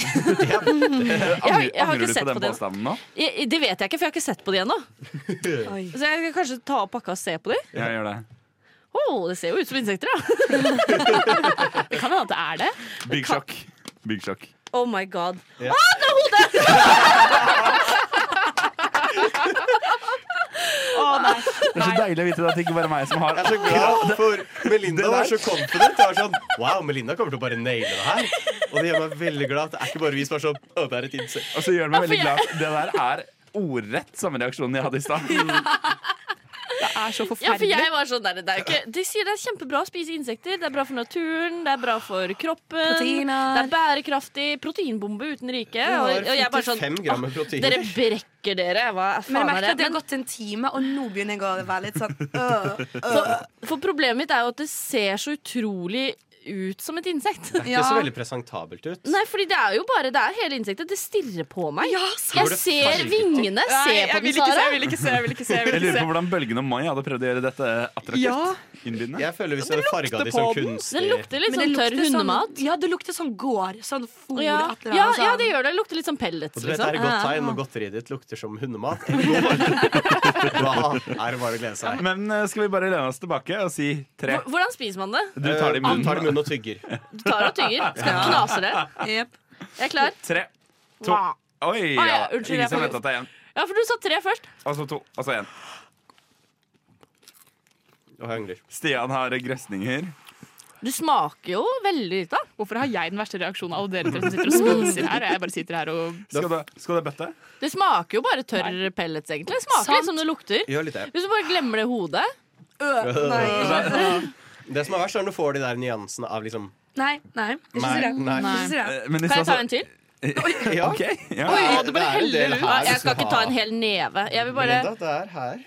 Men De det som du smaker, har jeg syns spytta det ut. smaker ved. Oppriktig smaker ved. Altså, jeg fikk en, Ja. jeg fikk en vinge støkk i tennene i stad. Da var jeg ødelagt. Da var det ødelagt. Jeg også fikk det. Herregud. Melinda kjører fullt. På det. Jeg prøver liksom å smake. Mm. ja. Deilig med, alltid deilig med litt smatting å gjøre. Det er hodet som er problemet. Jeg har samme problem med reker. Liksom, Moren min må ta hodet av rekene, og så kan jeg skrelle det helt fint. Men hvis øynene er på, jeg kan ikke. De stirrer på meg. Men Er dette et øre? Mm, nei. Men jeg hadde ikke kjøpt det. Nei. For å liksom Som er ironisk, det er du som har kjøpt det. Ja, det er jeg som har kjøpt det. Men eh, jeg hadde liksom ikke Å, nå skal jeg kose meg litt med litt snop. Nam, nam, nam. Nei, for jeg syns ikke det, er ikke det er ikke godteri, det er det ikke. Nei, eh, det er jeg veldig Men det er litt med. sånn som mm, de som eh, koser seg med litt solsikkefrø, liksom. Ja. Jeg føler de er samme Nei. gjengen. Nei. Hei. Sterkt uenig. Ja, men det er den type kos, da. Mm. Jeg Men- kunne like så godt tatt en neve av disse som en neve med solsikkefrø. på en måte Ja, ja. Takk, Melinda. Nå Jo, føler jeg meg eh, eh, som mer av en pingle enn det jeg gjorde. Men, tusen, tusen takk for smaken. Er du fornøyd? Vil du, ta, du kan ta med deg resten av posen hvis du vil. Ja, jeg kan godt det. Jeg skal ha fest i dag, så jeg, kan, jeg kan komme med, med snacks. Hvem enn det er Melina skal til fest til, vi beklager. Eh, ikke dra dit. Du Du Du hø hører på. på Radio Nova. Eh, I går, altså uh, vi- har uh, for det første, Stian, Ja. fucking told you so. For Jeg liker, jeg, ok, fordi jeg liker at du sier det her som at Hva var det jeg sa? Men jeg har egentlig vært litt sånn For vi har hatt lyst til å prate om E3 lenge. Ja, øh, og øh, altså E3, hvis du ikke vet det, det Er det verdens største spillmesse? Eller Det er var verdens største The spillmesse? Electronic Entertainment Expo, ergo 3ER, E3, Mm. Øh, som er på en måte den første tilbake på 90-tallet, 95 lurer jeg på, om det starta, eh, som en måte fordi det var før internett, før YouTube. Mm. Hvordan reklamerer vi for spill? Spill får ikke, blir ikke vist fram i avisa, Nei. sånn som på en måte filmer Ja. og bøker Ja, blir. ja, ja. The Electronic Entertainment Expo. En svær messehall eh, med kjedelige pressekonferanser på starten av 90-tallet i hvert fall, og du får prøve ut spill. Eh, det funka kjempefint, og det har vært en titan i industrien. Ja, for Etter hvert så har liksom E3 virkelig blitt en av de Det er den store på en måte i spillbransjen. Det er der du får Der får du på en måte de, de største nyhetene om de kommende spillene. Ja. Og det har ofte vært Altså, Jeg har jo aldri vært på E3 fordi det er i Los, Los Angeles. Angeles, i The Staples Convention Center. Eller nå heter det vel noe kryptogreier, tror jeg. Ja. Eh, men jeg har fortsatt allikevel sittet hjemme på en måte og fulgt med på nyhetene som kommer derfra. Fordi at det er, det, er det, det er der det store kommer, da. Eller har pleid å være. Så eh, var det en liten ting som pågikk i to år. Jeg vet ikke om dere har hørt om det før. Koronapandemien. Oh. Ringer en bjelle. Ringer en Som bjelle. satte en stopper da for eh, E3, som gjorde at det forrige E3 det ble eh, vist i 2019. Mm. Så har det i år skulle være det store året. E3 er tilbake. Alle kommer. Og så har da uh, Først så trakk Sony, Nintendo og Microsoft seg. Valgte å ikke dukke opp. Så var det flere store utgivere som trakk seg. Nå sist så var det Ubisoft som sa at de ikke kom til å være på E3. Og dagen etter så ble det altså annonsert at E3 er historie. Ja. Og dette er jo også Eh, etter det vil det si, E3 2023 blir ikke noe av. Det ble avlyst i fjor også. Um, og uh, hver gang det har på en måte vært disse kanselleringene fra folk som ikke skal på E3, så har jo du sagt meg Stian, vi må prate om dette. Og jeg har valgt å være sånn Vi venter litt, for jeg visste dette kom til å skje. Um, E3 har slitt veldig de siste årene. Um, for de som har fulgt litt med på det, så har det mer blitt til en uh, kall det crin- cringe-fest. Ja. Uh, Oh. for på et po- tidspunkt valgte de å ta litt mer fokuset vekk, Uh, si rundt 2010, når YouTube kom og folk begynte å følge med på dette på YouTube. Og det slutta å bare være journalister som var der og så på, men mange vanlige folk. Og da må vi jo prøve å appellere til dem. Og da Ja. får vi ting som Ubisoft, som står i pandakostymer og danser på scenen. Vi har Activision, som hyrer inn verdens minst morsomme vann, som prøver å gjøre vitser i to timer og ikke får det til. Eh, og det har blitt veldig seigt. Det er noen høydepunkter, som Keanu Reeves, som går 'you're breathtaking' i en halvtime.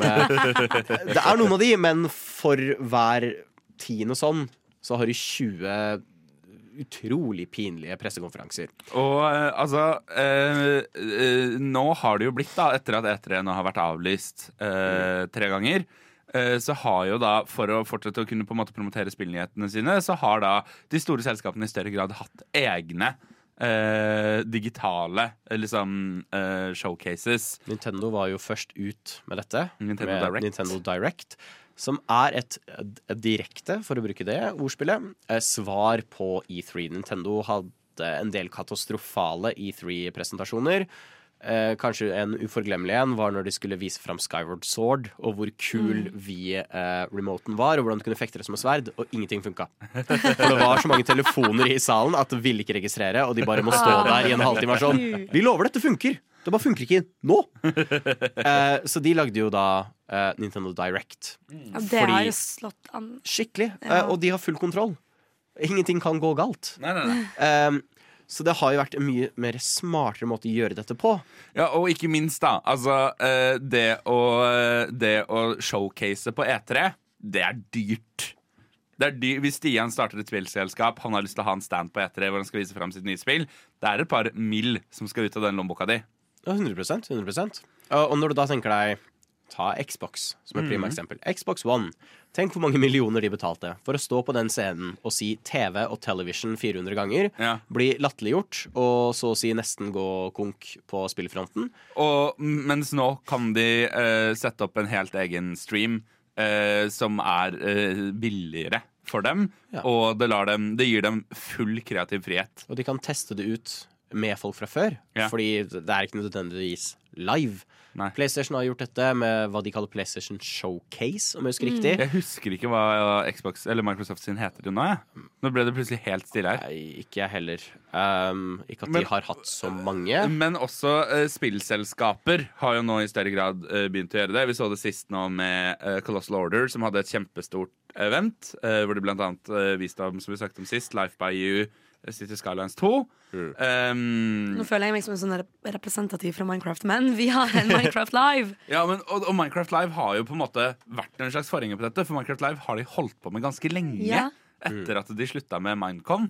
Mm. Så har jo det i større grad blitt det. Altså Minecon er jo fortsatt en ting. Ja. uh, I stor grad digitalt, tror jeg. Men uh, de har jo på en måte vært veldig f altså, uh, f- front, frontfigurer for nettopp dette, da. Med digitale egne presse, presseeventer. Selv om Minecraft Live har en tendens til å være litt kleint. Så nei, det er, det er litt på tide. Det er veldig synd. Jeg elsker E3. Det har alltid vært gøy å følge med på det. Det har vært alltid et eller annet teit, men som har vært veldig minneverdig, og som kan quotes til hundre og helvete. Eh, men Jeff Keeley, uh, som har Game Awards, Ja. som mange kjenner han for, startet jo i fjor, når E3 ble kansellert, Ja. Summer Games Fest. Og det kommer til å fortsette. Det kommer til å fortsette, og det var fordi han også forutså at E3 ligger ikke bra an. De Men, ligger tynt an. eh, men uh, nå har de vel De har vel ikke avslutta E3? De har vel bare sagt at årets er kansellert? Ja. Men er, E- E3 er ferdig nå? Vi er 2020 enige var kansellert. 2021 ble jo knas, og åpenbart. Mm. 2022 ble også kansellert. Og 2023 er nå også kansellert, av samme grunner som i 2022. Um, så det ser mørkt ut. Ja, det, det ser det. ikke Men det er jo Altså, jeg skjønner greiene av, at, av at andre, mange andre ting funker. Men det er jo litt dumt, Fordi det hadde jo vært veldig digg å se på én ting og få med seg alt. Absolutt. Og det er litt sånn Og det har jo- ja. Uh, og um, det er mange det er, uh, Jeg prata nå for ikke så lenge siden med en spillerjournalist som har vært på E3 flere ganger, og som sa eh, Altså, E3 er noe eget. Det er E3 var i sin prime. Eh, og som altså, rett og slett på en måte snakket med en slags sympati for oss som aldri noen gang får oppleve et E3. Ja. Vi får aldri dra til Staples Convention Center eller hva det heter om dagen, og på en måte være på E3. Og det er jo trist. Godt eksempel på det er at det var som en høytid. Ja, ja, ja. Om spill-community hadde en høytid, så var det E3. Det var da vi plutselig fikk eh, annonsert Å, eh, oppfølgeren til mitt favorittspill kommer, eller Ja, Å, denne personen jeg digger, kommer opp med nytt spill. Det var E3. Alle som spilte spill, så jo fram til E3. Og det Jeg blir synd å miste det. Ja, og jeg merker at det, de er litt dårlige på de der eh, datoene på de live og directene sine og showcasene sine, fordi det er veldig mange som tidligere har krasjet samtidig og samme dag. Og hva skal man velge å se på? Hva, hvordan skal man ikke få ting spoilet? Hvordan liksom, folk som er virkelig brenner for det. Og så syns jeg også at det, jeg, jeg føler ikke at de når ut med promoteringen sin til meg. Jeg får ofte med meg at Nintendo Direct har vært fordi jeg leser om det dagen etterpå. Aha, Enig. enig Uh, så nei, altså E3. uh, vi lyser fred over ditt minne. Jeg står her nå med tidligere president av Nintendo i Amerika, nemlig Reggie. Nå, Reggie, er du klar for snålt Snort snop og spill her på Radio Nova? Romanse PS i i Snart på spill eh, på eh, Radio Nova. Ubisoft de har vært ute, de. De har, de har gått ut døra, de. Er det ikke gøy at hver gang man starter et stikk med Ubisoft, så veit alle sånn uh-oh, hva har de gjort nå? Eh, vet, vet du hva? Det irriterer meg litt, for jeg er veldig glad i Ubisoft. De bare Jeg også, men- gjør utrolig mye dumt. Eh, men det kom en ganske stor announcement fra Ubisoft eh, her forrige uke om at de hadde introdusert eh, en ghostwriter, AI. som da skal skrive Og dette er det de sier selv. Den skal skrive Barks.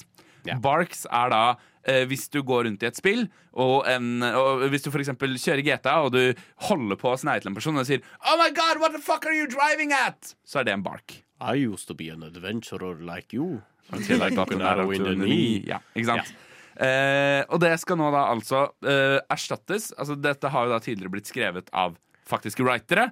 Ekte mennesker. Ja, som de også heter. Eh, de sk det- skal det nå ikke lenger gjøres, eh, men det skal gjøres av en AI. Og måten denne AI-en fungerer på, er det at den genererer ulike prompt. Altså du gir den på en måte et, et, eh, på en måte et, et stikkord. De testa med akkurat den linja de, du kom med i stad. I used to be an adventure like you until I got an arrow to the knee.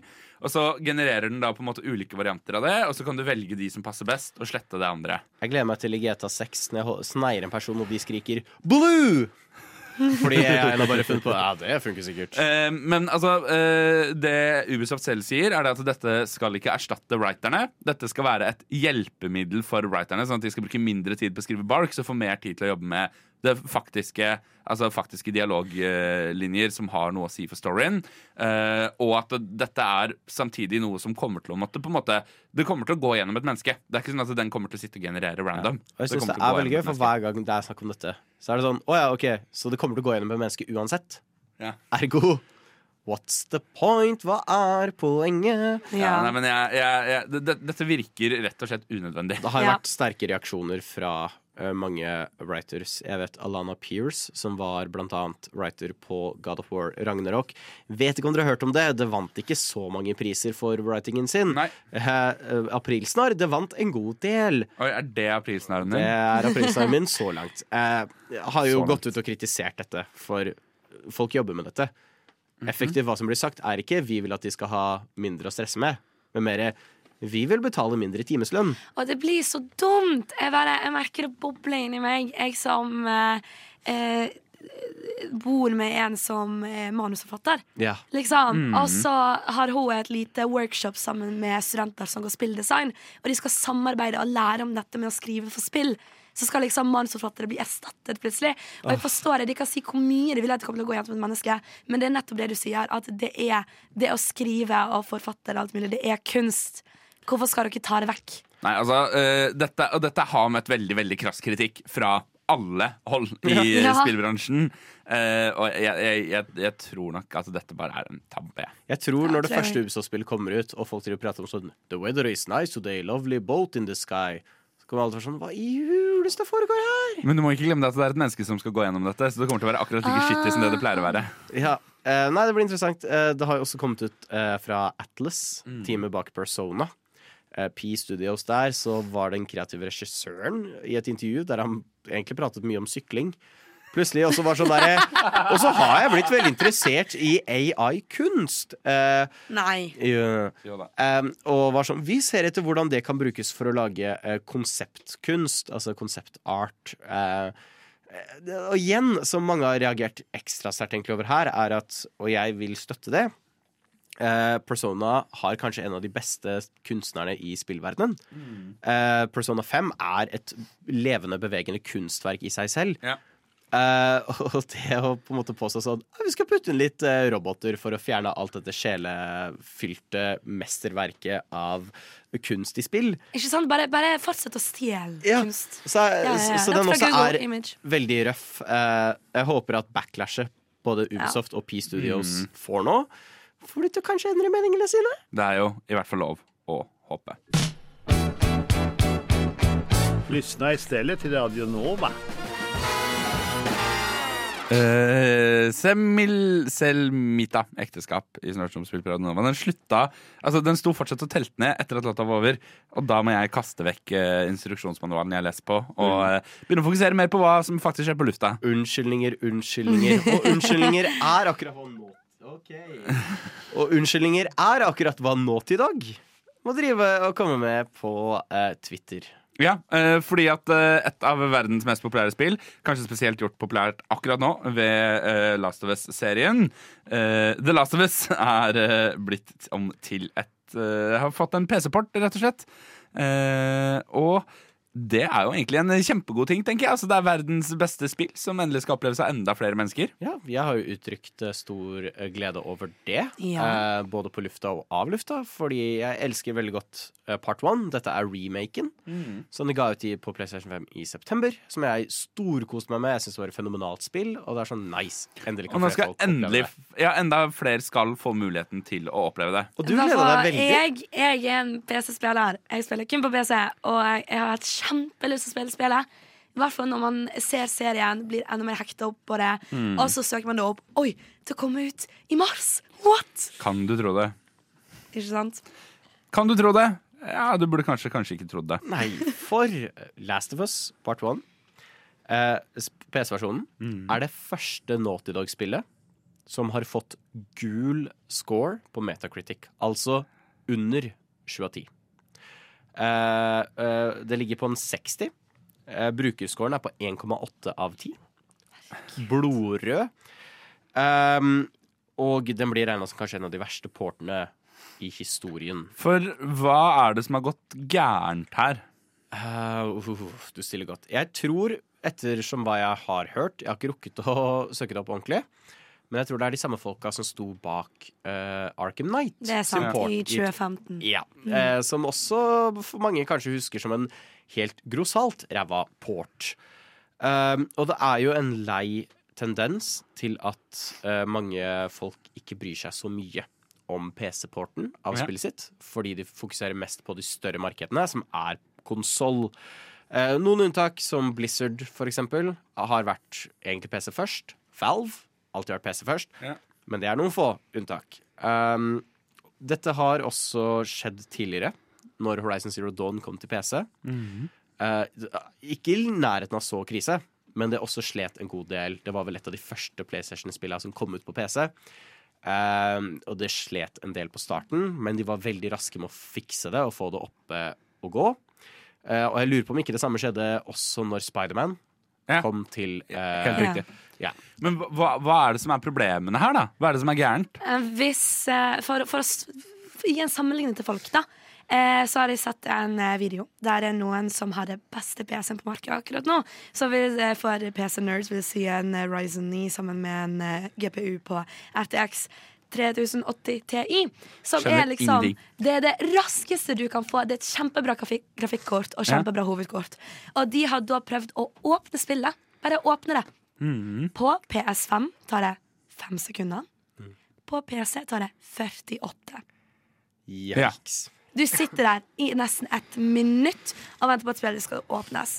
Skulle du liksom sittet hjemme og ventet et minutt før en sang går på på Spotify, da hadde du klikket. Ja. Det er kjempeirriterende. Mm. Det samme skjer med at eh, den spiser opp veldig, bruker veldig mye av grafikkortet ditt og hovedkortet ditt eh, på, mens du spiller, som gjør at den kan glitche hvis du ikke har en sterk nok PC. Og dette, de, disse gutta testet det på en PC som er mer enn anbefalt, og det glitchet. Ja. Teksturene forsvinner, eh, Joel sitt hår forsvinner. eh, Det blir glitches. De har ikke blitt glitchet ut av spillet, men folk med litt verre PC har blitt det. Ja. Eller verre, så å si normal PC Ja. har blitt kastet ut. Det er ikke like smooth overganger. Um, og folk, fans blir bare lei seg, da, Fordi her har de pre-order game, de har ventet så lenge. Og så vi, alle kommentarene bare 'slutt å pre-order spill'. Og dette kan jo spillindustrien tape veldig på.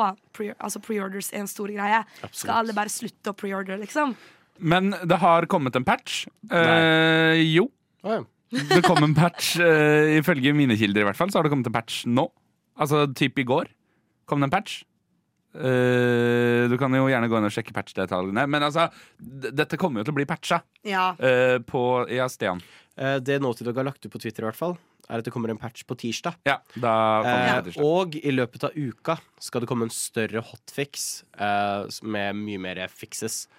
Um, så jeg vil jo tro, basert på historien med Horizon Zero Dawn Mm. uh, og Spiderman, at de kommer til å være kjappe med å fikse dette. For som du sier, Sofia, folk har gleda seg masse. Ja. Og dette er ikke bare sånn Å, et gammelt spill som kommer.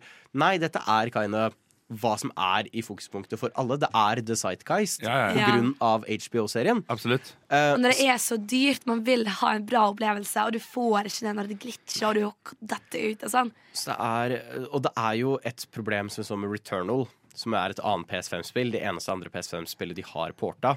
Slet veldig eh, med at de trengte 32 gigabyte med ram. For eh, PS5-en har en veldig unik SSD, som lar den laste ting umiddelbart. Ja. Eh, og det er ikke noe Xbox har ikke det. Eh, Switch har det ikke. Lol. Eh, og PC har jo heller ikke Nei. den type arkitektur. Og her er det jo på en måte De er nødt til å på en måte dra kraft fra andre steder. Og det virker som kanskje det er det som har gått litt gærent her. At spillet suger til seg litt for mye kraft enn hva det kan ta. Og ting går veldig dårlig. Så sats på at de får fiksa dette fort, i hvert fall. Det, For det er krise. det kommer til å komme en hel haug med patches, uh, men uh, herregud, vi vil vel ha spill som er spillbare fra den dagen det kommer, eller? Veldig, veldig gjerne takk. Du lytter til Radio Nova. Det er jo, det er jo snart påske. I dag er det faktisk 1. april. Vi begynner april, og vi begynner påskeferien. Og hva er bedre i påskeferien enn å ta en liten påskekviss? Tror nesten ingenting. Alt. Nei. no, no, no, no, no. Du står på ski, du eter Kvikk Lunsj, du går opp på fjellet, drikker melk. Og ja, mm, Det må til. Eh, Poirot dukker opp. Påskekrim og påskekviss. Det er det nordmenn elsker akkurat nå. Så derfor har jeg med meg en liten påskekviss i dag, der vi skal teste Sander og Stian. Et lite, lite game, game på gameshowet vårt. lite game, game, game. Yes, og dere som lytter hjemme eller i bilen, eller hvor enn dere er, vær med. Se om du kan dette.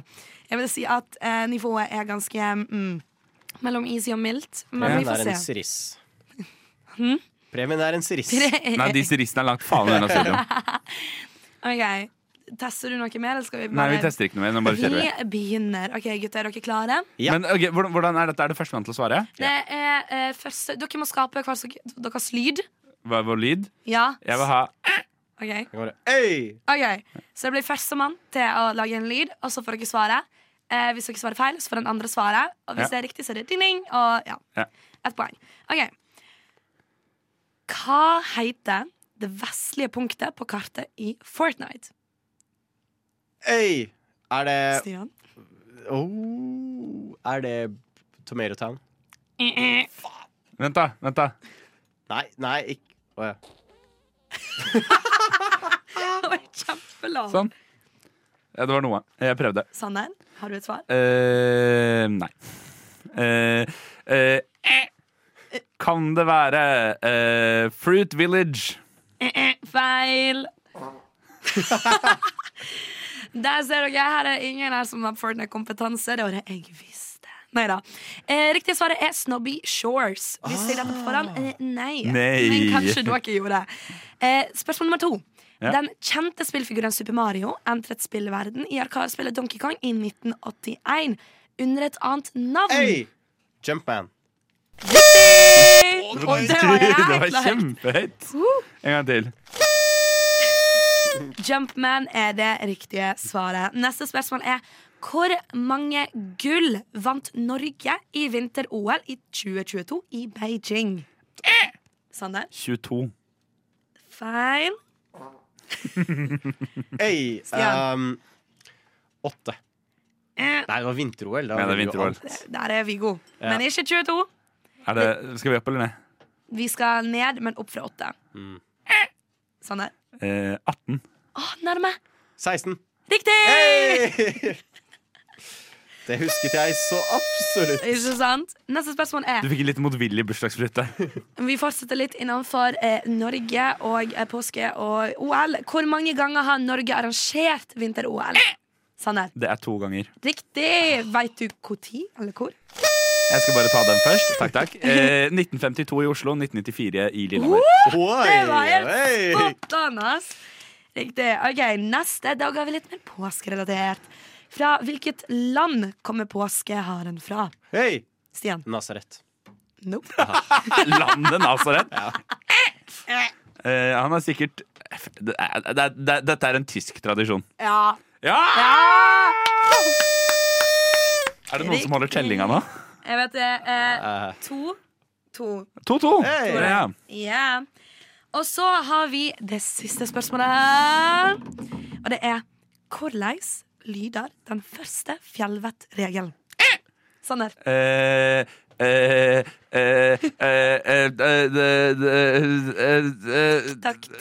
planlegg ruta di godt. Nesten. Sian. meld fra hvor du går. Det er noe i den duren. Det er bare, Litt bare erfarne fjellfolk. Grav deg ned i tide. Eh, Sjekk værmeldinga. eh, Sjekk værmeldinga. Kle deg riktig etter føre. Nei. Jeg gir egentlig dere begge et poeng, for jeg var planlegg turen og meld fra hvor du går.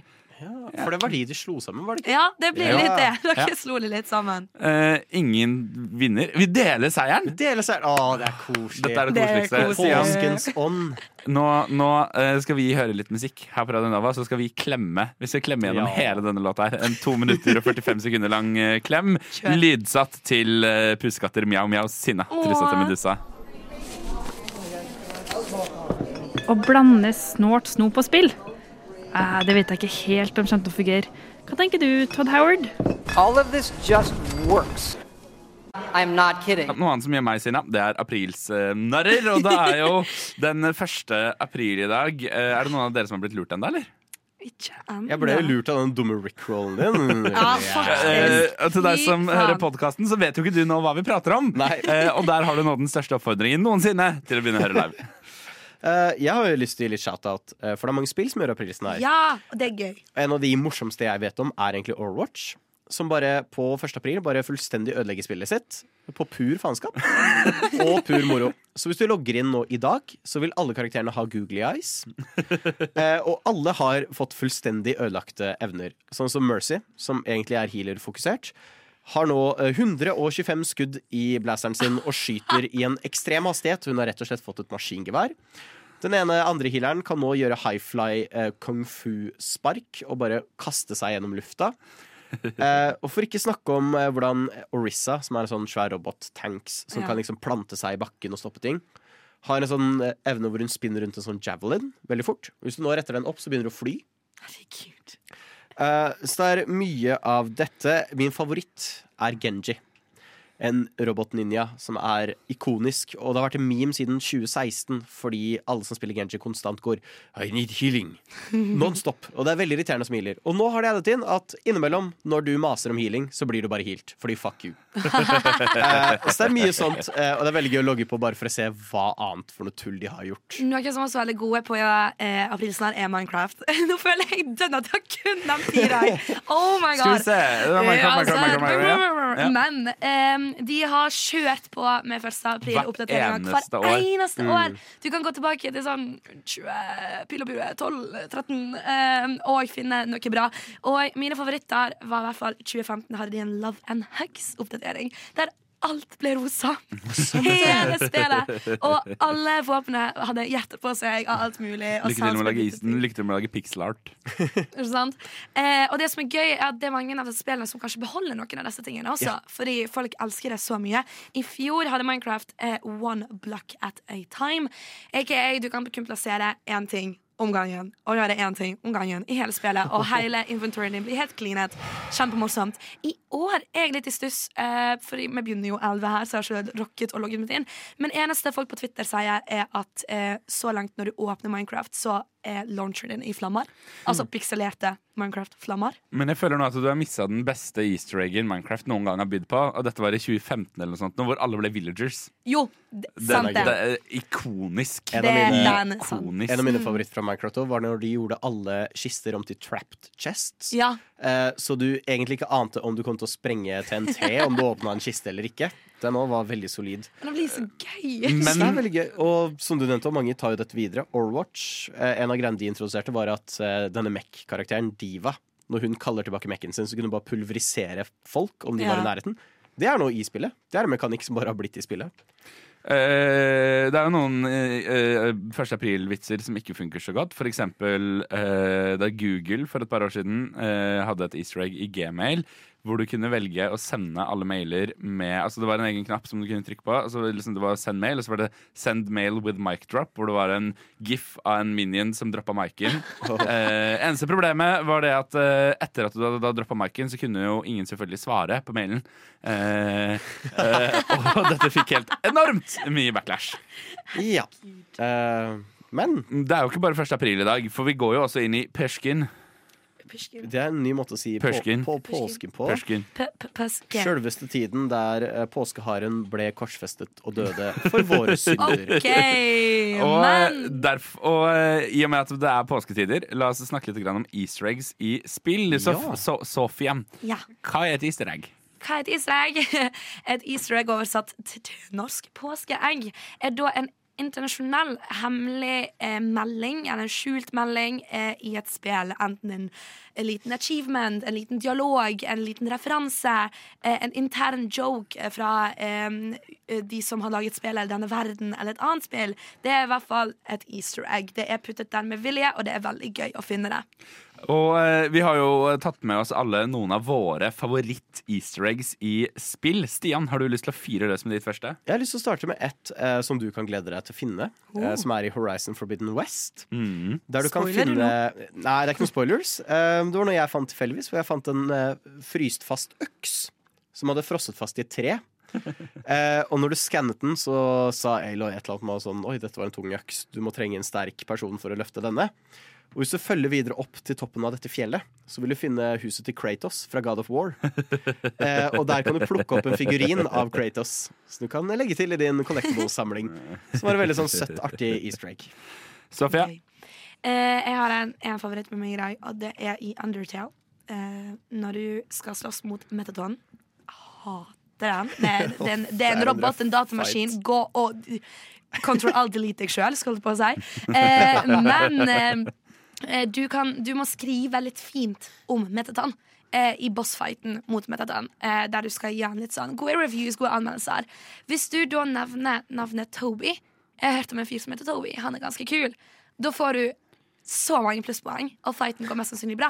Fordi skaperen av Undertale er Toby Fox. Det er gøy. Og det er veldig gøy. er uh, veldig gøy. Vi skal inn i et spill jeg har eh, spilt den uh, siste uka. um, uh, for å være helt spesifikk, Far Cry 5. Yeah. Som jo er et yeah. ganske, det tar deg ganske lang tid å fullføre spillet. Men det kan også ta deg helt ekstremt kort tid, fordi at i en av de første sekvensene i spillet så skal du handcuffe Joseph Seed og ta han ut derfra. Og hvis du eh, venter litt for lenge før du handcuffer han, så eh, eh, bestemmer da eh, sheriffen som du er der med, for at eh, dette gidder vi ikke å bruke tid på, og så bare går dere ut, og så får du rulletekst. Ja. Så ut, uten, uten at du egentlig i det hele tatt har rukket å spille spillet. Men det er jo som alle sånn memes ute på nettet. Sånn, ok, Men hvis han bare hadde gått ut i den scenen, så er filmen ferdig, liksom. Ja, Det er Helt riktig. Far Cry-serien har gjort dette i hvert fall siden fire. Ja. For der også får du beskjed Wait here, I'll just take a phone call. I'll be right back. Give me 15 minutes. Og hvis du faktisk bare sitter og venter i 15 minutter, så kommer han tilbake. Og så spiller ferdig. Så drar du rett til siste sted du er i spillet. Ferdig. Uh, Far Cry 6 er også et uh, veldig et, Dette er et av mine favoritt-easter eggs i uh, spill. Det er ikke en secret ending, men det er et eget side mission hvor du skal finne The Emerald Skull. Og plassere den eh, på et visst sted. En veldig tydelig referanse til eh, Indiana Jones-filmen som ikke finnes. Indiana Jones and the Kingdom of the Crystal Skull. Og på vei da ned inn, så må du da inn i en hule for å plassere denne eh, greia. Der ligger det en mann med fedora, skinnjakke og pisk i hånda som ligger død på bakken. Eh, også kjent som Indiana Jones. Og idet du plasserer denne skullen, så utløser du en sånn Indiana Jones-aktig trap. Det Eh, om å komme deg ut igjen med en gang. Som er en litt sånn artig referanse. Jeg har lyst til å egentlig bare nevne hele Borderlands uh, The Handsome Collection, kall det det. Borderlands uh, 2 og Borderlands The Pre-Sequel. eh, som bare er easter egg på easter egg på easter egg. Du møter King Kong, som er en svær boss som bare kaster tønner på deg. Eh, men kanskje en av mine favoritter er hvis du eh, Det er et sånt sted, jeg tror det er pre-sequel, hvor det er masse steiner som går opp og treffer veggen. Og så ett sted, hvis du ser opp, så er det et høl som disse steinene forsvinner opp i. Eh, Som ligner litt på en warp pipe fra Mario. Og hvis du gjør det, så havner du inn i et segment på jeg tror det er fire nivåer. Hvor du bare er i Mario. Oi. Du bare straight up havner i et sånn pikselert Mario-område hvor du hopper rundt og det er lava. Uh, og de, de, de er fullt av sånne easter eggs til høyre og til venstre, og det er alltid veldig gøy å utforske og finne det. Uh, jeg har veldig lyst til å skvise inn uh, tre kjappe Valve-easter eggs. Yeah. Yeah. Eh, I Portal 2 så går de gjennom en sånn convention som er en sånn eh, Take Your Kid to Work Day Science Fair. Eh, hvor det er et prosjekt laget av Chell, som er hovedkarakteren i spillet. eh, hvor hun har dyrket en potet som har blitt et tre. eh, som er bare en artig liten nod. I Half-Life 1, hvis du går rundt der, så sier eh, flere av vaktene ved Black Mesa sier ofte til deg eh, 'Catch me later, I'll buy you a beer'. Og når du da spiller Half-Life 2, så sier Barney, som er en tidligere Black Mesa-vakt, 'About that beer I own you'. I owe you. Som er litt sånn ha-ha. Ja. Eh, og i det første spillet også, så er det en sånn liten ting du kan gjøre, hvor du kan gå bort til en mikrobølgeovn og stille på den, og da sprenger en sånn eh, matbit som står i den mikrobølgeovnen, sprenger. Og i da Half-Life eh, 2 episode 2 så er det en som sier If you do this right, I might forgive that microwave incident at Black Ah. Mesa. Det, Jeg har også gjerne to til jeg har lyst til å kaste inn. En er Russian Ratchet Clank Rift Apart, eh, hvor en god del av spillet handler om internasjonal- interdimensjonal reising. Eh, og da kan du få tak i helt på slutten av spillet The Rhino, som er det ultimate våpenet som åpner opp rifter i romtid og slipper ned masse objekter fra rundt i spillet. Innimellom kan det dette ting fra andre PlayStation-verdener. Sånn som en Thunderjaw fra Horizon kan bare komme deisende ned. eh, så det er veldig morsomt. Mye eh, tøys og tull der. Og så har jeg jaggu meg blanka på hva nummer to jeg skulle nevne. Som er Men jeg, har, jeg kom på en liten en Ja. som jeg husker. Eh, det, når du spiller eh, Little Nightmares, eh, eneren, da eh, er det et sted der du kan lage popkorn. Du tar med deg en maiskolbe, og så kan du eh, skvise den inn i en sånn eh, varmovn. Eller jeg husker ikke helt hvordan det gikk. Eh, men da får du en egen hidden achievement på Steam, og det er veldig gøy å bare poppe masse popkorn i en maskin der det egentlig blir kastet opp i lik. Jeg kom på uh, Fallout New Vegas. Hvis du tar en perk som gjør at du er ko-ko, så vil du konstant møte filmreferanser. Du kan få The Holy gr uh, gr eh, Hand Grenade fra Monty Python. Ja. Uh, du kan finne kjøleskap med en Davin Yellen Jones i. og mitt hovedvåpen, som er pistolen til Deckard fra Blade Runner. Som du kan bruke. Så det også er et spill som bare er fullt av easter eggs. Og dette er noen av veldig få eh, easter eggs Ja, ja, ja. i eh, spill. Men Er gjengen, klokka er 12.52,28. Nei. Cuba. Snort, snop og spill på Radio Nova. Og Det betyr jo dessverre det at eh, vår tilmålte tid på denne såkalte eteren har eh, nådd eh, slutten. Men vi må, før vi går, rangere sirisser på vår patenterte tierlist. Og jeg, jeg tar en sjefsavgjørelse. Jeg sier F, jeg. Det har vært litt debatt, for det var jo ikke helt spyfælt for, Nei. for deg og meg, Sofia. Snakk for dere selv. Men jeg merker jo jeg er ikke gira for å smake mer. Og jeg vil ikke akkurat kalle det et snop. Ja, det er nettopp det. Det var det som fikk meg over til at jo, det blir jo en F. Det blir det. Eh, og det er litt morsomt at den første F-en vi får, er når vi drar så langt som å kjøpe sirisser. Det er først da. Så jeg tror vi må nesten utforske enda mer snålt snop. Eller nøye snop. Absolutt. Og hvis du har lyst til å følge med på den reisen med Snålt snop, vel, hvorfor ikke sjekke oss ut på Instagram at snaltsnop og, Og spill. Der finner du annet tidligere tier lists. Absolutt. Og ikke minst, i morgen 17.00 går vi live på Twitch. Eh, Det skal spilles, Woohoo! det skal koses, og det blir jævlig bra stemning. Klokka fem. Klokka fem. Snolt snå på spill heter vi på Twitch. Og det er mulig å høre alt dette på nytt som podkast hvor enn du hører podkast. Og frykt ikke, akkurat som en viss eh, religiøs person, så er vi tilbake igjen etter påsken. Ha en fortsatt eh, god lørdag. Vil du si det en gang til? God påske! God påske.